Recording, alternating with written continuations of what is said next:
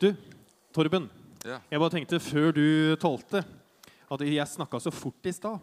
Så jeg tenkte at uh, det kunne være greit at du sa litt hvem du er og hva du gjør. Jeg sa at du er en nasjonal leder i Misjonsforbundet, og at du er vår menighetsrådgiver. Og så vet jeg at du også gjør litt annet. Kan ikke du si litt om hva du gjør? Eller hva, hva vil det si at du er nasjonal leder? Ja. Ok. Har du god tid? Neida. Eh, stemmer. Altså, vi, bare for å forklare fort da, sånn i Misjonsforbundet hva jeg jobber med. Vi har en eh, generalsekretær som er liksom sjefen. Så har vi en som leder det internasjonale arbeidet, og så har vi en som leder det nasjonale, og det er da meg. Og så eh, har vi en, eh, en gjeng menighetsrådgivere, som kaller det. Det er en form for tilsynsmenn. Og de er, den avdelingen der den leder da jeg. Eh, I tillegg så bruker jeg veldig mye av eh, min tid på det som skjer i Misjonsforbundet i forhold til Vekst 2020. Og det har begynt å komme en hel mengde av nyplantninger og nystartinger av nye misjonskirker. Og det kommer flere og flere, og det er veldig gøy. Så det tar mye tid. I tillegg på si, da, jeg kan jo nevne det med en gang, at jeg eh, bor også mellom Lillestrøm og Jessheim. Eh, Jeg har vært pastor ti år i Oslo, og så flyttet vi kona og jeg strategisk opp der. For vi så at der vokser det veldig mye. Men det er ikke noen misjonskirke der oppe. og Det er veldig lite menighetsaktivitet der. Så der planter vi nå en menighet. Romerike misjonskirke. Stemmer. Yes. Og så har du, har du hatt en veldig fin sommer. Ja, det har jeg. For at du, eh, ja, du heia på Frankrike i fotball. Nei. Nei. Nei, jeg er halv tysk, så jeg var bare ho-ho. Eller, ja, det var Hjertelig takk. For, takk for alle gratulasjonene. Var, ja, vi kan gratulere etterpå. Jeg er veldig glad for at du er her, Torben. Og Ja. gleder meg til å høre deg. Så det er podiet ditt. Ja, takk for det. Um, jeg syns selv det er veldig godt å være her. Jeg kjenner staben veldig godt. eh, over egentlig lengre tid, mange. Og så kjenner jeg folk i lederskapet godt, og mange her i menigheten ganske godt. Eh, men jeg har aldri talt her. Og Skien misjonskirke er en eh, menighet jeg kjenner jeg er glad i. Så da er man litt sånn spent. Ny plass, men allikevel en del kjentfolk. Og så har jeg fått en utfordring, og det var rett og slett å si noe om sterkere som menighet. Jeg har ikke tenkt så mye på chili når jeg begynte å se dette, men, eh, som på det sterkere, men det skal få høre. Eh, og før jeg begynner, så har jeg lyst til å be en bønn. Og eh, det jeg håper faktisk skal sitte igjen med etter det jeg har sagt, det er noe av det vi sang. At Gud er nådig, og han er god. Og eh, bare for å avsløre hele budskapet med en gang Jeg ligger utrolig mye kraft akkurat der. Det ligger veldig mye kraft akkurat der. La oss be. Himmelske Far, eh, du ser jeg har forberedt noen ord her. Jeg takker deg for at du er her ved Din Hellige Ånd. Um, og så ber jeg om at du legger dine ord i min munn. Så er vi forskjellige, vi som er her. Uh, noen kjenner deg kanskje godt, og andre vet ikke. Uh, men jeg ber om Jesus at du hvisker et ord inn i hver enkelt av oss der vi er i livet. I Jesu navn. Amen. Ta den stolen der. Martin han ga meg en utfordring om å Kan ikke du si noe om sterkere som menighet? Um, da tenkte jeg ja, det kan jeg gjøre. Og, eh, så det er det som er utgangspunktet. Sterkere som menighet. Og da tror jeg det er viktig å begynne når vi skal snakke om sterkere som menighet, eh, om å begynne å si litt om menighet. Og Det er da to dimensjoner som er viktig å ha med i bunnen her. Det ene er at eh, menigheten, kirken, det er ikke noe som vi eier. Det beskrives i Bibelen på forskjellige måter, bl.a. som Jesu kropp. I, første, altså i Kolosserne 1,16 så er Kristus hode for sin kirke og sin menighet. Så det er han som eier menigheten, og det er hans sin menighet. Og oppi det store så får vi ha to dimensjoner. og det er at det, Hans hender og hans føtter og hans øyne og hans nærvær her på jord, ja, det er oss. Vi får lov til å være helt vanlige mennesker som da skal være en del av praksisen, om du vil. Guds kirke her nede. Eh, Så da er det jo slik da, at eh, det vi gjør, skal være preget av hodet som er Jesus. Og det kan være en utfordring. Og så har vi våre talenter, gaver og styrker og svakheter. og Så er det om å liksom forvalte det vi har, best mulig. og fått til hans ære. Fordi vi er hans kirke, som han eier, på en måte. Uh, og jeg, eh, jeg, kom til Skien i går seint på kveld, og da fikk jeg et bilde for meg. fordi jeg var inne i en dusj på et hotell her. Det, metafor og et bilde har alltid sine mangler, men jeg prøver. Mens jeg sto der og venta på det varme vannet Jeg leste etterpå at hotellet er 150 år gammelt. Det kom jo ikke varmt vann. vet du. Det sto, og så står det ved utgangsdøra av badet at du må ha det lenge på. fordi, eh, ja, 150 år gammelt. Poenget mitt er da her. Når vi gjør kirke, så prøver vi noen ganger som en rørlegger av det vi har fått, å bygge opp best mulig vannsystem. Eh, og vi, vi, forvalter jo den kunnskapen vi har, og den utrustningen vi har, på aller, aller best måte til Guds ære. Men så er det noe med at når man da skal sette i gang dette systemet, og være i gang, så handler det også om å være koblet på vann. Rett trykk i forhold til systemet, og faktisk skru på hovedkrana. Og Hvis vi skal oppleve at vi skal være en sterkere menighet, så er det viktig i alt det vi gjør, at vi er koblet på med hovedkrana, og at det er vann i systemet. Og Det er det vi skal se litt nærmere på nå. Jeg har lyst til å si om menighet at du kan aldri være menighet alene. Eh, eklesiologi handler om læren om menighet når man jobber sånn teologisk. og Hver gang i Bibelen når det står om kirke, menighet, eh, Guds barn, alt det her, så er det snakk om fellesskap. Det er snakk om fellesskap. Og Det er litt interessant at når vi leser i Bibelen, og sitter hjemme og leser, så leser vi ofte veldig sånn individualistisk 'Gud, hva har du å si til meg?' Men veldig mange av brevene til Paulus blant annet, de er skrevet til en menighet, til et fellesskap. Um, og Da har jeg bare lyst til å si at uh, du kan ikke være menighet aleine. Ja, du kan være en Jesu etterfølger, og vi er jo i vårt lønnkammer og følger Han. Men det er noe med at Gud ikke har plassert oss på en øde øy. Reis ut på en øde øy og kjenn om du har åndens frukter. liksom. Fordi den du har med å slite med på en øde øy, er sannsynligvis deg selv. Men Gud har plassert oss inn i et drivhus på en måte med, i en menighet der du ikke, på lik linje som uh, i, i, i livet ellers Du kan ikke velge dine søsken de har bare havnet rundt deg. Du kan ikke velge den familien du faktisk ble en del av. Og slik kan du heller ikke velge ut dine åndelige søsken. Så det vil være folk i den menigheten som du liker. Og du vil ha noen åndelige søsken som du ikke liker, eller litt dårligere kjemi med. Og så vil ikke alle være i samme fase som deg. Noen vil være unge, og noen vil være gamle. Og Det er ganske fascinerende hvordan Gud har gjort dette her. Og Alle de har han ført sammen, nesten som et drivhus. Der kommer han ned med sin hellige ånd og så skal, han, måte, skal vi få lov å være hans folk. Um, og I den settingen så kan man jo kjenne Kjære Gud, uh, her skal mine åndens frukter få lov å vokse osv. Så, videre. så du kan, du, du kan, aldri være menighet alene. Gud har satt deg inn i en sammenheng. Så vil jeg også si det, og det kommer Martin til å snakke om neste søndag, smågrupper.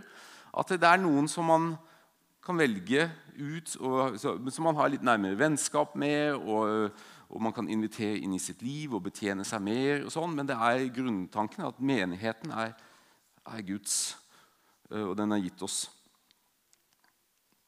Og så har jeg et bibelvers, Matteus 18. Øh, I Matteus 18, 20 så står det der hvor to eller tre er sammen, to eller tre sammen, så er jeg midt iblant dem. Og på selve stamcellene i menigheten. altså vi, Menighetsmetaforer i Bibelen er jo byggestener og vi hans legeme og sånn. Så er det to menighet helt ned i kjernen er to eller tre, og Jesus midt iblant dem.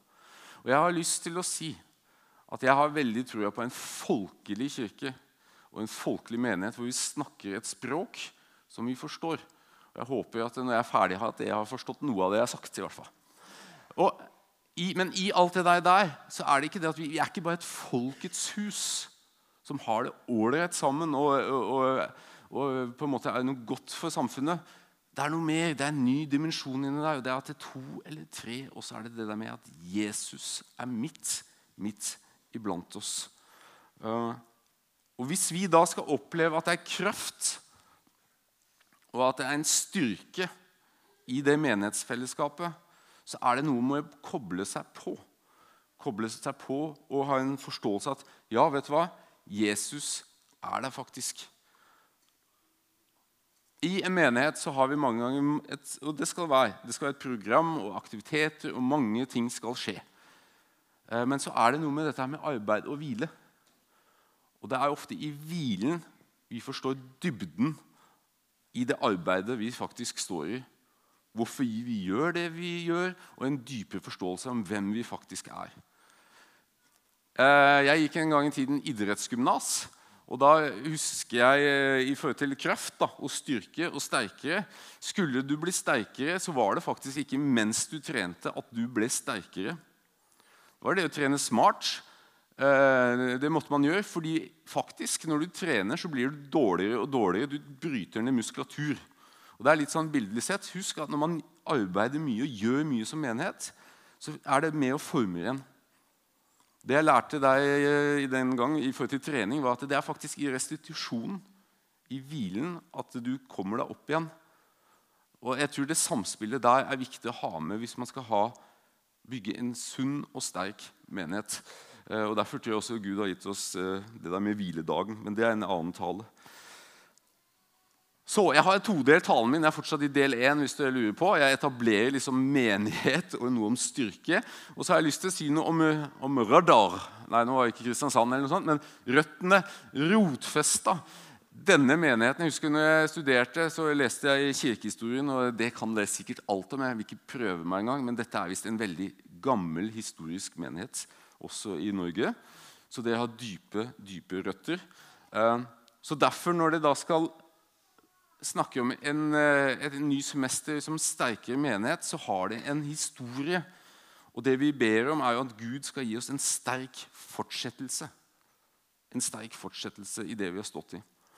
Eh, og så tenkte jeg da jeg var hjemme og forberedte meg og ba over hva jeg skulle si Er det noen bibeltekst som jeg skal løfte fram spesielt? Og Det er to jeg har lyst til å løfte fram spesielt.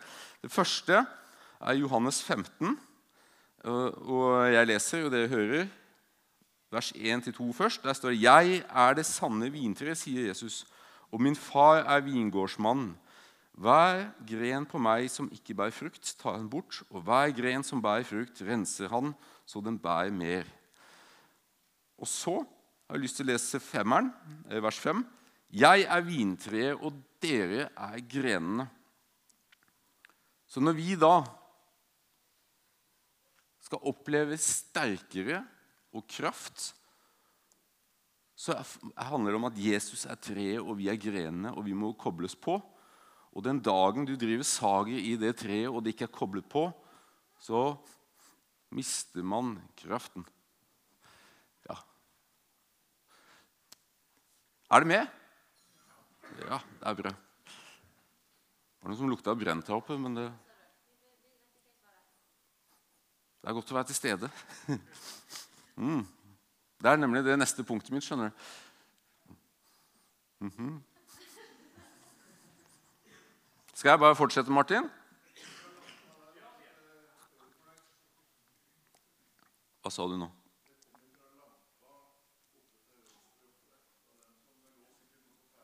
Ah, ja. ja, men da vet vi det. Da er vi jo med igjen. Jo, nå skal jeg si noe om å være til stede, faktisk. Det passer jo bra. Uh, jeg har lyst til å begynne med Nils Arne Eggen før jeg sier det jeg skal si. Det er det at eh, dette her, her jeg, han, han, sa det det å gjenta ting er ikke dumt. Det å gjenta ting, altså Når du har fortalt noe smart en gang før, så gjerne si det et par ganger mer. Og du må drille på det, for det må ligge i DNA. Og Der handler det også om å være sterke i menighet. At man gjentar ting.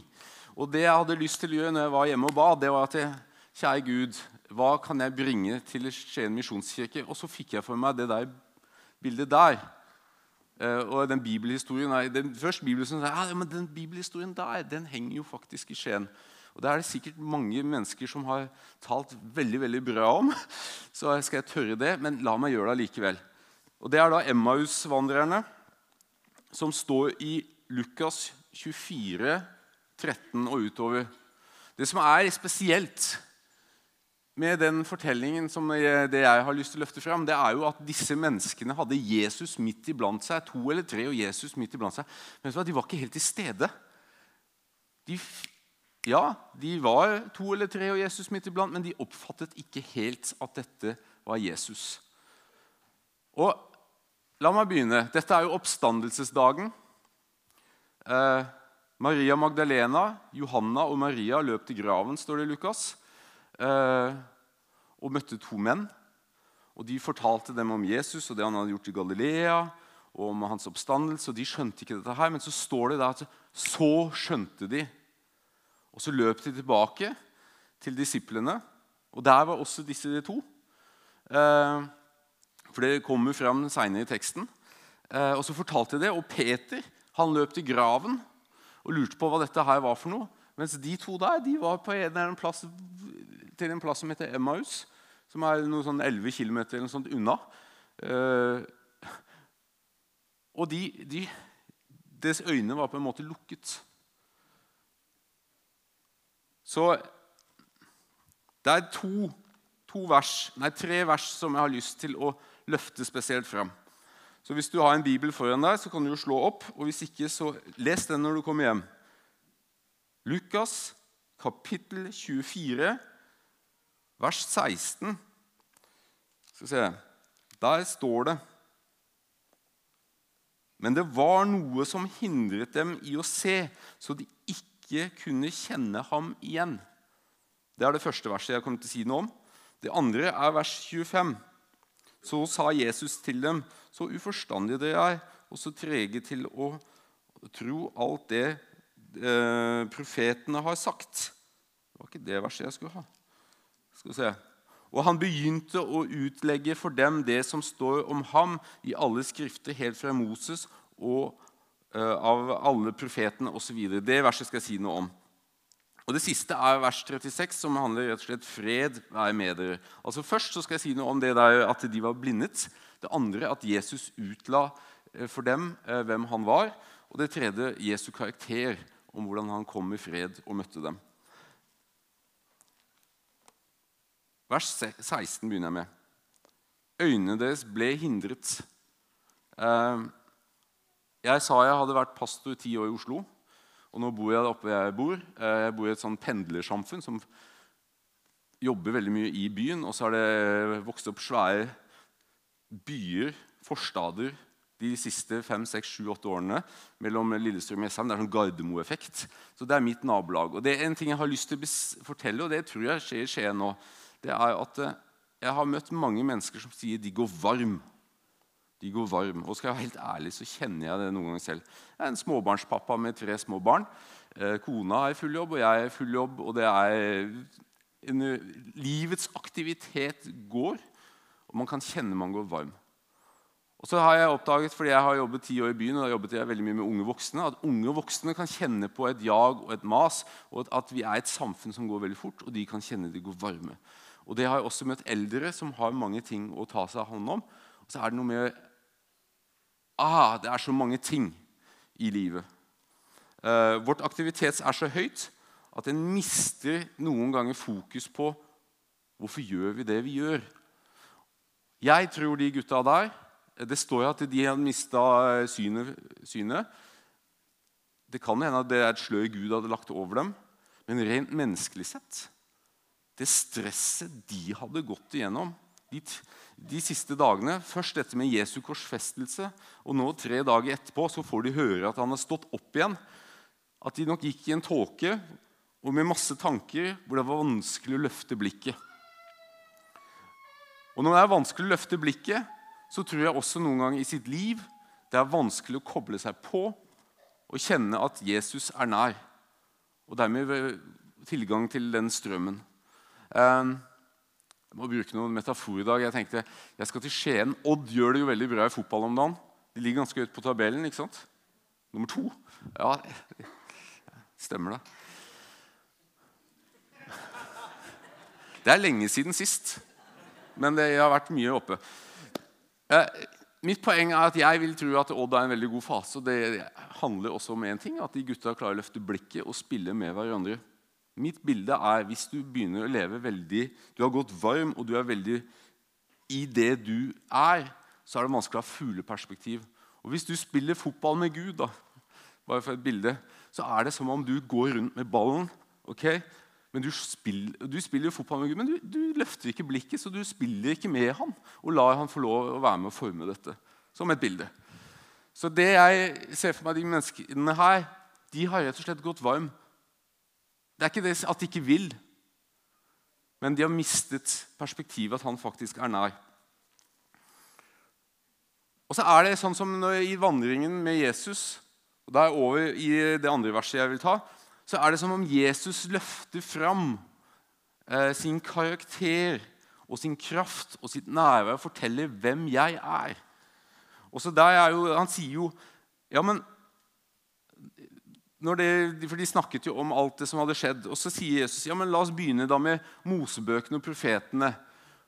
Og jeg tenkte hva er, det er sånt, hva er det han egentlig gjorde da? Så leste jeg en veldig spennende bok som heter 'Preaching Christ in the Old Testament'. Den leste jeg rett før sommeren. Eh, det var en sånn teologisk bok eh, som handler om å preke Kristus i Det gamle testamentet.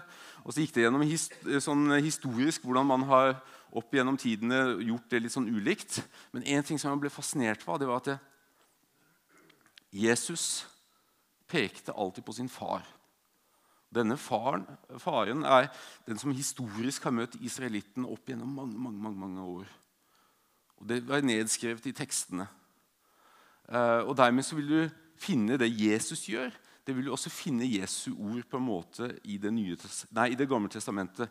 Og Hvis vi går helt til Mosebøkene, så tenkte jeg eh, En liten illustrasjon. Noen har kanskje sett den her før. Martin, kan ikke du sette deg i stolen? Det har ikke jeg spurt deg om. men... En av de eldste grunnskrifttekstene man fortsatt har, det er faktisk den aronittiske velsignelsen. Jeg vet ikke om du vet det, men Det er noen sånne sølvplater som man har, som er før babylonstiden. Eh, og Den aionittiske velsignelsen det er jo da Moses som eh, gikk til Aion og sine sønner sa at dette skal det si nå når vi er utvandret fra Egypt, om å velsigne folket. Og det, Jeg vet ikke om det var det Jesus gjorde når han vandret med de, men det kan jo hende han begynte med det, for han sa han tok ting fra Moses, Mosebøkene. Moses, ja, og da, Der står det 'Herren velsigne deg og bevare deg'.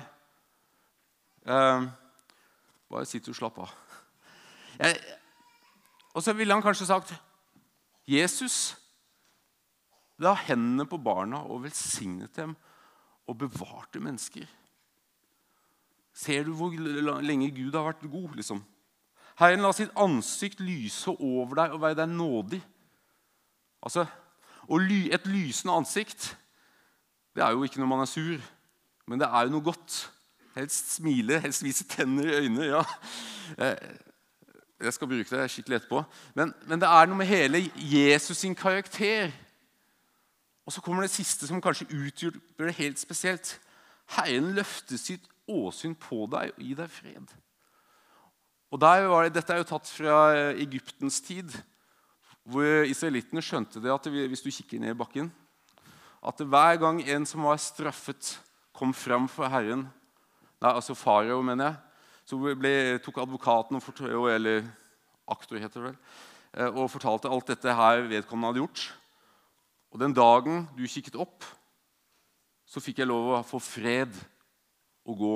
Herren løfte sitt åsyn på deg og gi deg fred. Og Da sa kanskje Jesus til disse Emmaus-vandrerne Husker du kvinnen ved brønnen?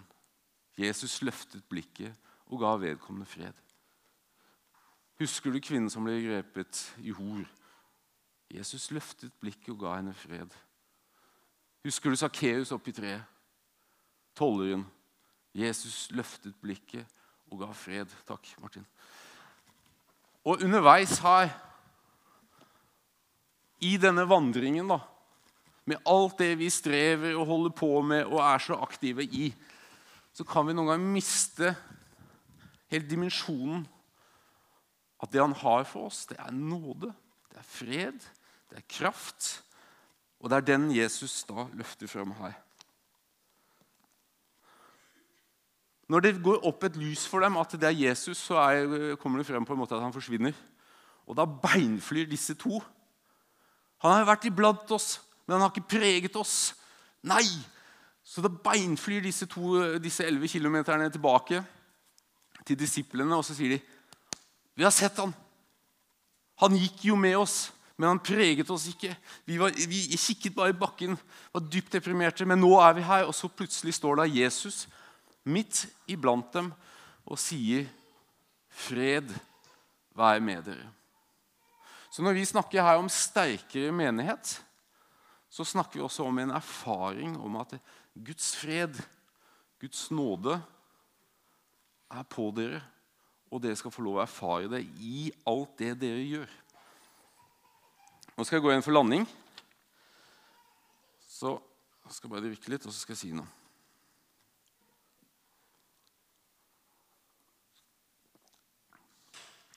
Bare for å illustrere dette. Jeg hadde en sånn egen erfaring på det. Jeg skal dele litt av det.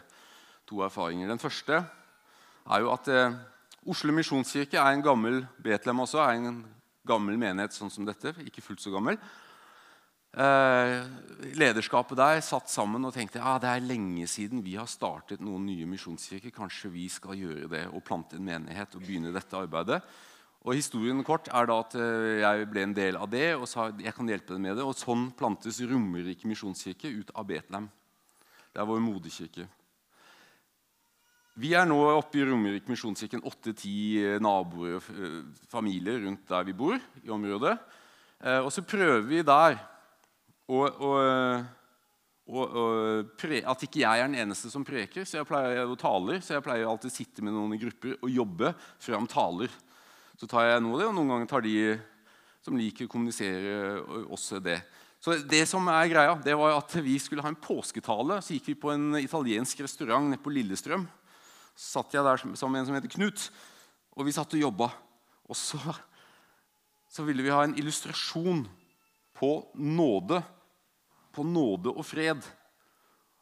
Og vi knadde dette her, for vi skal ha en fin påsketale. Og Knut er mye mer frimodig enn meg på noen ting. Jeg er litt mer sånn målretta. Hvis jeg kan si det. Så han plutselig tar tak i hun Er det servitrise det heter? Servitør. Ja. 'Kan du gi oss en illustrasjon på nåde?' sa han. Og hun bare 'Hæ?' Ja, jo, jeg skal... Og hun ble veldig ivrig da, og prøvde. og så, så gikk hun på kjøkkenet, og så etter ti minutter kom hun ut igjen. Så sa hun 'Nå står vi på kjøkkenet og diskuterer nåde.' og prøve å finne illustrasjon eh, for, for nåde. Kan du gi meg noen flere knagger? Fordi vi vet ikke helt uh, uh, hvor vi skal begynne. Hva skal du bruke dette? Og så spør du, hva skal du bruke dette her til? Er det en rettssak? Det var faktisk andre gangen hun kom inn, for vi sa ikke så mye. Og så sa jeg det er en påsketale. Så, så kikker hun på meg og så sa hun, ja, men hallo, jeg kan ikke noe om kristendom og Gud og sånn. Men Jesus der må du vel kunne finne en illustrasjon om nåde? Litt sånn Ja, ja takk. Eh, jo, det, den var jo god. Eh, så det vi endte opp med, da, så tenkte jeg, ja, men la oss gjøre det. da. Det, det som det endte opp med, var rett og slett at begynte, vi bygde denne påskegudstjenesten. Vi har leid Frogner skole. og I amfiet bygde vi da en svær mur. Eh, og så kom de inn, og så så de denne muren. Da, og så forklarte vi at eh, mennesker er noen ganger sånn at det blir en mur mellom oss. Eh, så er vi skrudd sammen forskjellige. Når den ene står på den andre sida her, så er det sånn at noen de bare ignorerer fullstendig og prøver å drepe den andre ved å ikke Jeg legger ikke merke til at han er der. Mens andre er skrudd sammen sånn at de driver skyter raketter over eller kaster stein eller noen gloser. Ikke sant? Så vi er forskjellige, og noen ganger er vi i en miks. Men så er det noe med Jesus som er helt annerledes. Altså, det er på en måte mur mellom Gud og også, men også vi har mye å lære av Jesus og bli preget av han. Og Det han gjorde, det var f.eks. i Johannes' åpenbaring. Se, jeg står for døren og banker. Okay? Han ignorerer deg ikke, han kaster ikke dårlige ord over, men han står på døren og banker på denne muren. Jeg spurte Martin kan du bygge en mur. for å komme ut. Det fikk vi ikke til. Eh, og så så det, ble det veldig sterkt å se hvordan Jesus på en måte da går gjennom den muren som vi mange ganger ikke går. Og Det ble illustrasjonen vår. Hvorfor løpe rundt overalt for å finne det når, når vi har Jesus midt iblant oss? Det var det vi kjente Gud talte til oss. Men da er det de siste ordene mine. Det er at uh, sterk menighet handler om en menighet hvor du med ditt liv og vi som fellesskap søker Gud i det vi står i. Uh, I uka som var nå, så tok jeg med uh, den staben som jeg jobber med, til Lia gård. Og vi var der fire-fem dager for å søke Gud. Eh, Misjonsforbundet, som denne kirka her er en del av, kirkesamfunn, det skjer mye. Det er mye vekst, og det er mye bra som skjer. Men jeg kjenner jo at noen ganger kan man gå varm i alt det som skjer. Og så kan man nesten miste fokus på ja, men, ah, hva, er det når, hva, er det når, Gud taler til oss i situasjonen. så var det noe med å bremse litt opp og søke Han sammen. Og så er det litt artig når man eh, er sammen, så merker man at eh, vi er skrudd sammen forskjellig. Og det jeg har lyst til å løfte frem her, at du må ikke se på andre hvordan de søker Gud, og tenke 'sånn vil jeg over være'. Men du må være trygg i deg selv og si 'Vet du hva? Jeg, Gud taler mest til meg når jeg synger lovsang.' Og noen sier 'Gud taler mest til meg når jeg går ut i naturen eller jogger'. Eller 'Gud snakker mest til meg når jeg fordyper meg'. Vi er skrudd sammen forskjellig. ikke sant? Dere skjønner tegninga, men det er noe med en et grunnhjerteholdning om at det, i alt det jeg står i, hvordan jeg er skrudd sammen i Herre, preg meg.